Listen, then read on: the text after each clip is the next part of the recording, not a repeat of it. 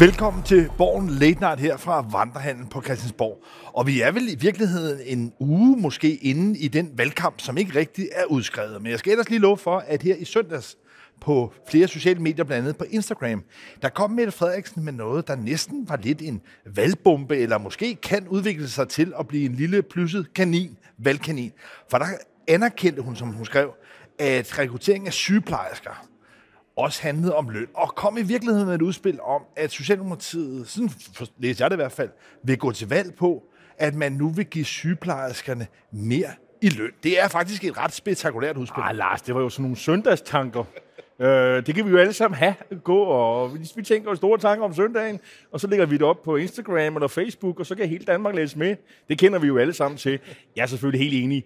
Det er jo helt vildt, og, og man kan sige, de er også øh, gået helt amok i arbejdsgiverorganisationen, fordi altså, hvis det er jo sådan, at man jo blander sig i, øh, i løndannelsen på den her måde, øh, er, det, er det sådan, vi stemmer om, øh, om hvorvidt sygeplejerskerne skal have øh, mere i løn, Øh, hvad, hvad blev du så af den danske model? Jeg kan sidst at tjekke, så var de jo meget optaget af den danske model også øh, i Socialdemokratiet og i, og i særdeleshed i, i, i fagbevægelsen.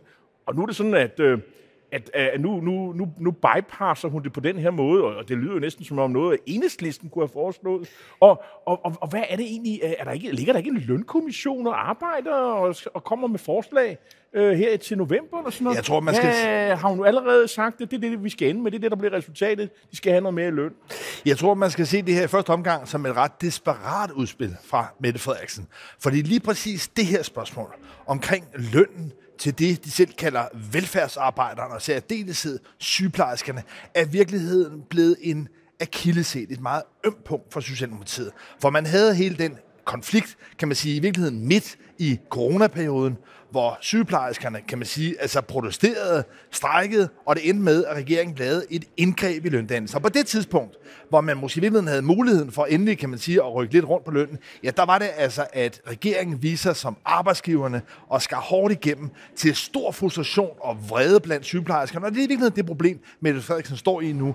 Det er, at der er ikke så mange vælgergrupper, traditionelle vælgergrupper, som er ligefrem begejstrede for den her regering. Og når man står i en situation, hvor man er bagud meningsmålingerne, der er tvunget til at blive udskrevet et valg meget snart, så er det altså fristende, og det er jo det, Mette Frederiksen har lavet sig frist af, og på en eller anden måde komme med nogle udspil, som i mindste kan forsøge øh, nogle af de vredeste vælgergrupper, kernevælgergrupper mest. Ja, men, men, men der er jo også en hensyn til, til dansk økonomi. Altså, hvis man er sådan, øh, siger, at vi skal ud og have velfærdsarbejderne, de skal have noget mere løn, så vil det jo også påvirke det private arbejdsmarked. Det ved vi jo godt. Det vil sige, så holder vi lønfest midt under en inflation.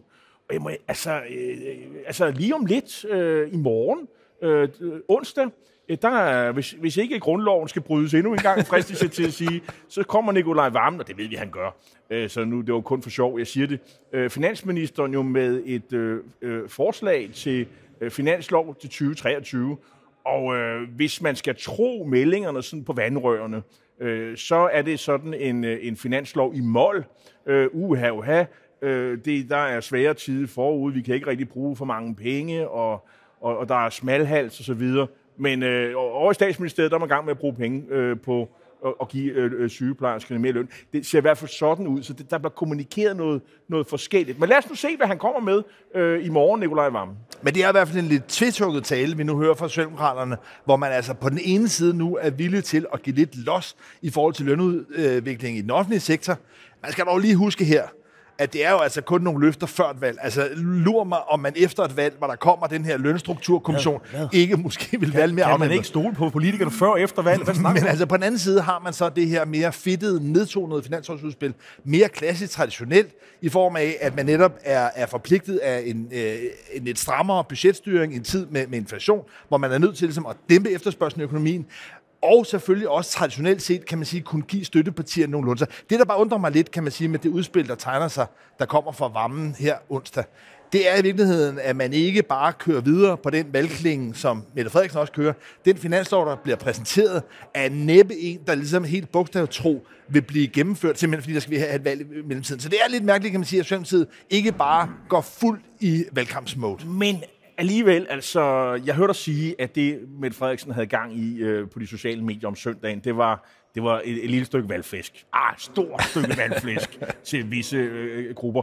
Og man kan sige, øh, kadencen med hensyn til at komme med, med forslag, det var allerede i sidste uge, hvor vi jo øh, så, at, at, at øh, der kom en bandepakke, der nu skulle forbryderne endnu mere øh, længere i fængsel, og, øh, og, og, og, og det taler jo ind til de der vælgere, øh, som i gamle dage stemte på Dansk Folkeparti, måske par, de sidste par gange har stemt på, på Socialdemokratiet, og nogle af dem er måske på vej over til Inger Støjbergs øh, Danmarksdemokraterne. Sådan læser jeg det i hvert fald. Øh, og, og det gik jo egentlig meget godt. Man har ligesom sat en dagsorden, og så sker der lige pludselig det, at, at, øh, at Mette Frederiksen får sagt, at øh, den der minkskandale, som jo ligesom hjemsøger regeringen, har skabt den her nye situation i dansk politik, hvor øh, hvor hvad hedder det, blå og rød blok stod omtrent lige, og nogle gange har de blå faktisk overhalet de, de røde i meningsmålingerne.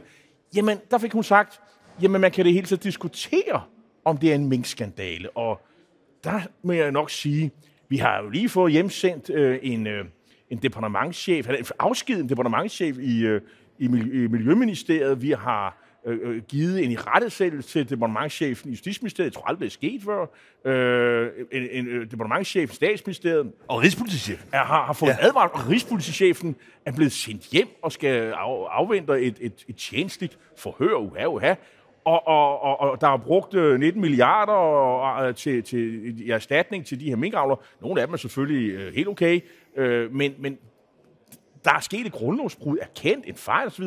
Og så siger hun, man kan diskutere, om det er en skandale. Det tror jeg er... Øh, jeg tror ikke, hun skal sige så meget af den slags i en valgkamp. For det synes jeg var enormt dumt sagt af jeg hende. Tror, jeg tror ikke, der er ret mange vælgere, der er enige med hende. Nej, jeg tror allerede, hun har sagt for meget. Og det er i virkeligheden håndteringen af hele det her forløb, som man altså helt roligt kan kalde en skandale. En helt afgørende skandale, som har ændret balancen i dansk politik.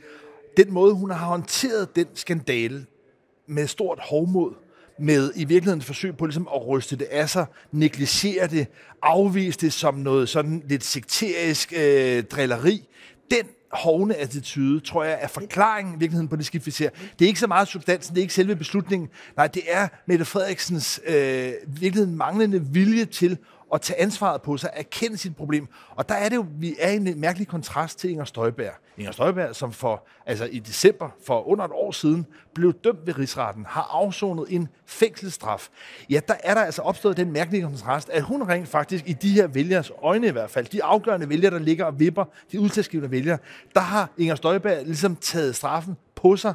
Hun har ligesom, øh, altså ikke nødvendigvis erkendt, at hun har gjort en fejl, men hun har det mindste, kan man sige, ligesom altså, taget konsekvensen af det. Hvorimod at Mette Frederiksen altså, ligesom afviser på samme måde som Inger Støjberg, men også uden ligesom, at ville tage konsekvensen ja, af de handlinger. Det virker som om, hun, forskel, hun, hun sidder ligesom lidt fast i det, og vil ikke erkende de her ting. Og man kan sige, øh, som jeg læser tingene lige nu, så er Socialdemokraterne ude i en øvelse, hvor de skal væk fra det der minkhalløj, øh, erkendt, ikke erkendt, væk fra det, øh, og så sætte en ny dagsorden. Det, det er ligesom det, vi kan se, det er det billede, der er. Og så er det ligesom, at hun genopliver øh, den gamle dagsorden ved at, at, at komme med udtalelser som det her. En anden valgflæst ting, kunne man kalde, det er jo, at øh, der er jo også kommet en, øh, et forslag fra det, man kunne kalde for tørklædekommissionen. Den har et meget længere navn, men det er jo selvfølgelig forslaget om at forbyde tørklæde. Kommissionen for den glemte kvindekamp. Det er sådan, det var. øh, de kom med et forslag om, at man kunne forbyde tørklæde i, i folkeskolens yngste klasser, så også de private, øh, skal jeg lige hilse at sige, øh, øh, så i grundskolen. Og øh, der kommer hele kavaleriet af, af, af statsretseksperter, som siger, det kan ikke lade sig gøre, det er mod grundloven og menneskerettighed, alt muligt. Og så stusser man jo, hvad, hvad, hvad siger Kåre Dybvad, og hvad, hvad siger, øh, som jo er udlænding integrationsminister og sådan noget, hvad, hvad, hvad mener han? Og der er jo lige den øh, lille Abadabai, formanden, hun, hed, hun er jo, øh, hvad hedder det, borgmester nede i Holbæk, øh, og hun hedder Christina Hansen. Hansen, og så hedder hun et eller andet på polsk, men Krosjak, øh, men, og, og jo gift med, øh, forlovet med Jakob Mark fra SF, det er en helt anden snak. Men øh, hun er i hvert fald en af dem, man kunne kalde for Holbæk Socialdemokraterne, hvor, hvor, hvor, hvor Dyb, Kåre Dybvad jo også er med. Øh, meget toneangivende mennesker, folk, der tænker, udgiver bøger og andre ting. Og, øh, han pandede altså ikke det forslag ned. Øh, hvorfor gjorde han ikke det, Lars? Jamen, det er jo netop, fordi vi er inde i den valgkamp, som ikke er udskrevet. Og Socialdemokratiet har enormt brug for at markere både i retspolitikken, som vi så med det her bandeudspil, men også i udlændingepolitikken, at de er så hårde, som man næsten kan blive herinde på Christiansborg. Og derfor er man sådan set villig til i hvert fald at synes, det er spændende, når der kommer nogle udspil, selv også når de på en eller anden måde er i strid med øh, både grundloven og de konventioner, Danmark er forpligtet af, og som derfor ikke kan omsætte til lov. Og det er jo altså det, der er sådan en lidt mærkelig situation. Altså en ting er at sidde som læserbrevskribent i Holbæk eller andre steder og mene nogle ting. Noget andet er, når man lige pludselig bliver ansvarlig som for eksempel minister, som regering, så er man jo på en eller anden måde bundet lidt af, at vi også lever i et retssamfund. Og når man som minister ved, at det formelt juridisk ikke kan lade sig gøre, så kunne man jo godt forvente, sådan har det i hvert fald været tidligere, at man så også må sige, ja, det lyder, altså det kunne man forestille sig, men det er vi imod, fordi det kan ikke lade sig gøre. Der er altså regeringen nu, også i den her lidt desperate situation, undlader ligesom at tage det forbehold, at det ikke kan lade sig gøre, men siger bare, at det er spændende, det er noget, de vil overveje. Det er selvfølgelig et udtryk for, at de gerne vil prøve at lægge sig så tæt op af Inger Støjberg som overhovedet muligt. Inger Støjberg, der er altså ja, dømt af rigsretten for, hun har sagt, at det går hun ind for. Det kan vi øh, stemme for i morgen. Ja, loven er altså ikke noget, der, øh, der, der på den måde binder øh, Inger Støjberg. Og det er jo lidt det problem, regeringen her er ude i. Det er, at de er faktisk altså forpligtet af, så... af, loven, og hvor mod Inger Støjberg eksempelvis, og de vælger, hun kæmper om. Der er Inger Støjberg altså en situation, hvor hun kan tillade sig øh, og, øh, og køre lidt længere ud i grøften. Også fordi, ja, hun, sidder, ja, hun er jo ikke engang medlem af Folketinget, så der kan man mene næsten hvad som helst. Øh, det, det, det er først efter valget, man tager stilling til det. Øh, men man kan sige, det her, den her manglende afstandtagen til det her forslag, øh, det skriver sig lidt ind i rækken af alle de her, skal man sige, pseudo øh, positioner, som Socialdemokraterne har. Vi havde før med øh, det her øh, øh sygeplejerske øh, lønforslag, øh, eller, eller hvad det var, det vil jeg, så blev det fortolket, så skulle det vist også tages ned, hvis man øh, vil, vil jeg tro. Plus, at man har sendt nogle diplomater til øh, øh, Rwanda, øh, for at holde gang i den der øh, øh, aftale med Rwanda, som ingen ved, hvornår kommer til at ske, hvor man kan altså sende flygtning, øh, afviste asylansøgere til Rwanda. Ikke? Så det, det er sådan... Der er mange halvbagte projekter, der, der ligger... Der er sådan nogle, altså, ja. øh, hvor, hvor, hvor vælgerne skal sige, at retningen er god nok, og så må vi jo se over på den anden side af valget, øh, stemme på Socialdemokratiet, så må vi se, om de, om de kan levere på det. Det virker som, som øh, øh sådan et forslag. Ja, altså jeg synes næsten, det fremstår som om, at Socialdemokratiet var i opposition og på en eller anden måde forsøgte ligesom bare at mene nogle ting, foreslå nogle ting, som vi jo altså ser for oppositionen. Og der er der altså på en eller anden måde nogle andre forventninger til en regering, også en regering, som ved sidste valg i hvert fald havde formået at planlægge, forberede sig meget nøje, og også i de første par måneder, år måske, at regeringen her havde et ret dygtigt strategisk blik for på en eller anden måde at udvikle nogle projekter. Der er det altså som om, at regeringen nu er blevet fanget på flade fødder og lidt desperat hiver ting ud af skufferne og prøver på en eller anden måde at virvle en, en, en, en stemning op om, at de på en eller anden måde har nogle idéer, der er håndfaste, der er kontante osv.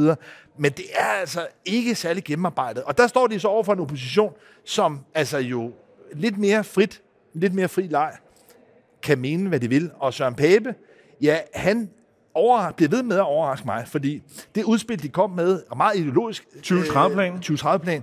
Det er altså noget, der skiller sig meget ud ved ligesom at søge meget ud på fløjen, på højrefløjen, i stedet for at søge ind på midten. Og jeg havde egentlig regnet med... Og afskaffe topskatten. Også med den debat, der havde været. igennem at det, øh, måske de var, at det i første omgang måske bare var et signal om, at han ligesom var meget borgerlig, men at han så ligesom lidt mere mindeligt som en valgkampstrategi ved Søvn, men, men der står han altså men fast. det er fordi sådan nogen som dig, og måske også mig, vi hænger fast i, i Claus Short-doktrinen om, at, altså, valg vindes på midten. Nej, nej, nej, nej. Det forklarer han jo i et stort interview i, i søndags i Berniske, at det, det kan, han, han abonnerer slet ikke på den der forestillinger. Man skal sådan set bare præsentere holdningerne, og så køre igennem, og så kommunikere til vælgerne, så skal de nok tage det ned, og så kan man vinde valg. Det der, det er noget gammel snak. Jeg synes, det lyder som et eksperiment, et spændende eksperiment, Øh, og, øh, men måske handler det bare om, at, at de konservative skal øh, vokse til at blive det der store øh, borgerlige parti, og om man så får regeringsmagten, det kommer måske lidt længere ned ad vejen. Det kan man være heldig at få, eller så bliver det næste gang. Det, det kunne virke sådan. Øhm, hvis man nu skulle være lidt flink over for øh, regeringen, så vil man sige, her er jo en ønskemodstander, og der har vi også, vi har også talt om det tidligere.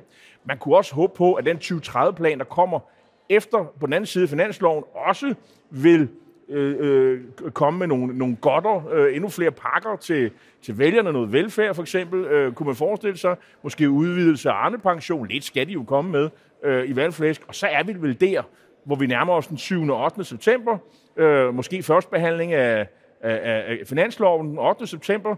Det kunne være en idé til at udskrive, en anledning til at udskrive øh, et valg.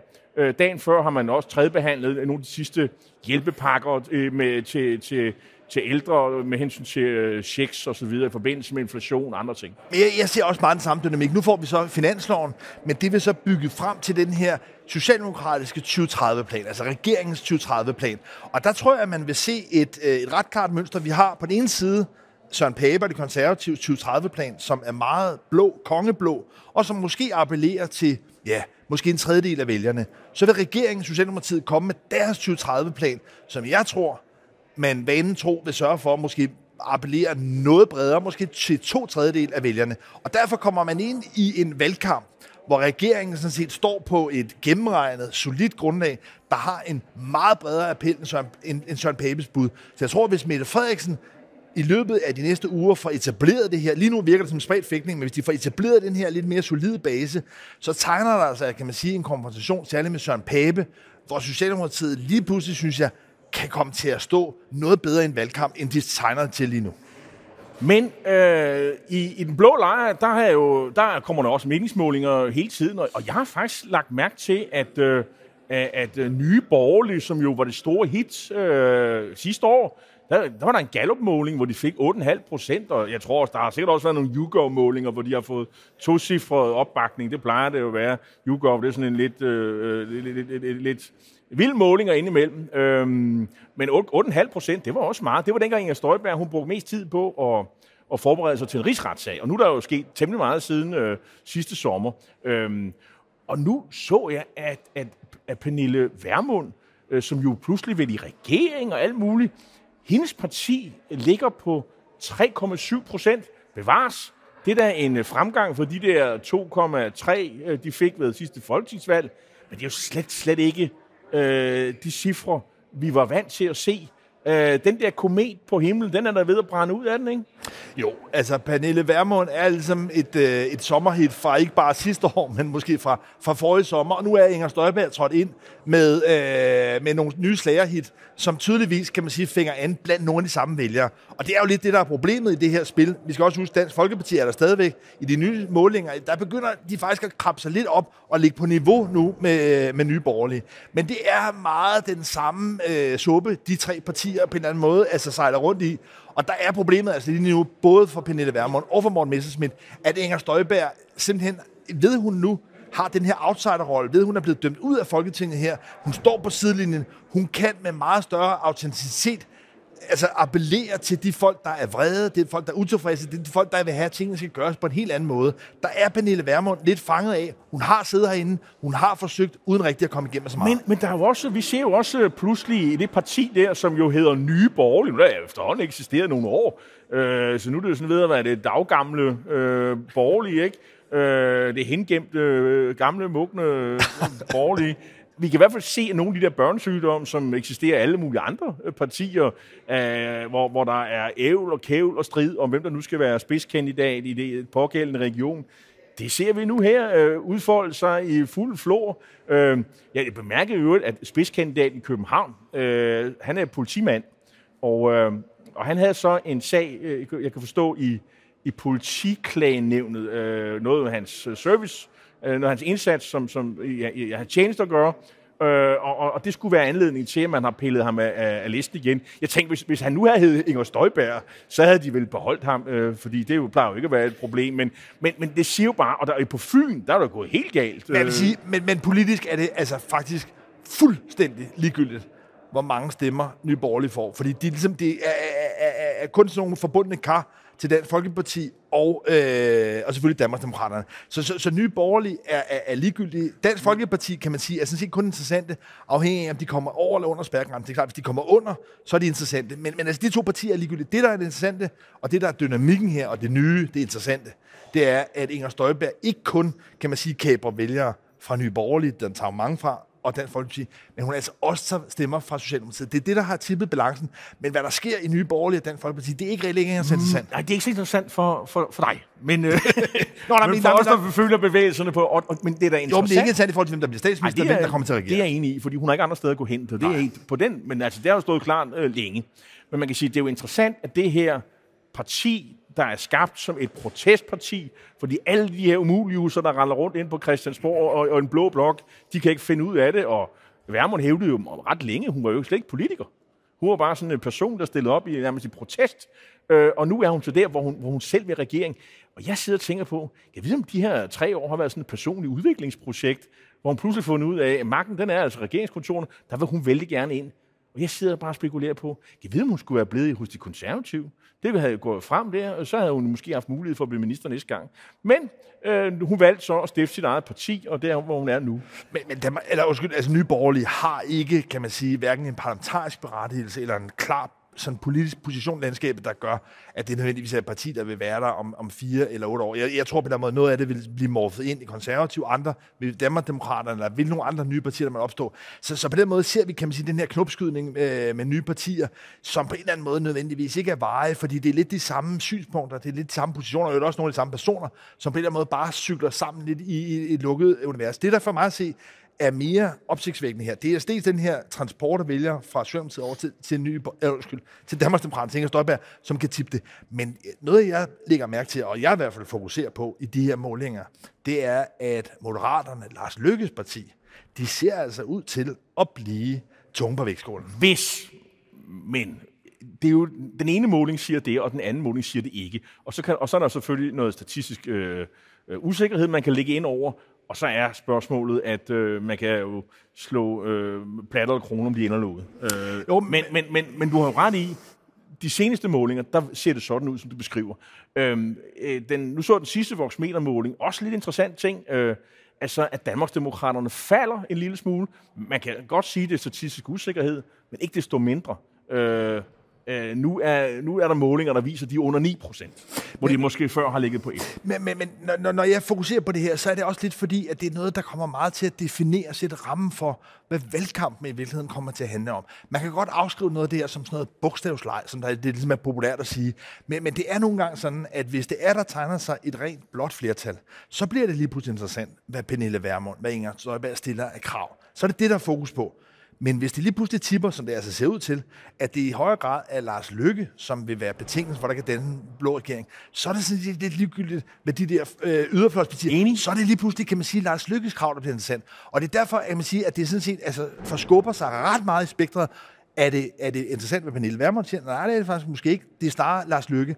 Det sker en helt anden dynamik i valgkampen, fordi hvis det lige pludselig er Lars Lykke og Moderaternes synspunkter, og ønske om en bredere regering, der ligesom, kan man sige, ligesom er vippepunktet, ja, så er det der fokus vil være, og så har, får vi altså en helt, helt anden valgkamp, end det vi har været vant til, hvor det i højere grad har været den yderste højrefløj, der har ligesom sat takstokken. Vi er forhåbentlig meget klogere i næste uge. Der, var, der træder vi ind i september. Måske en valgkampsmåned. Øh, det- Hvem ved? Øh, det er noget, jeg selv tipper på, men altså... I hvert fald måned måske, hvor der udskrevet valg. Det er det, jeg tipper på. Ja, ja. Men, øh, lad os nu se. Øh, vi har fået en finanslov til den tid, og måske endda også en 2030-plan for regeringen. Tak fordi I så med øh, her fra Vandrehallen på Christiansborg. Lars Trier Mogensen og Jørgen Kort, og jeg siger tak.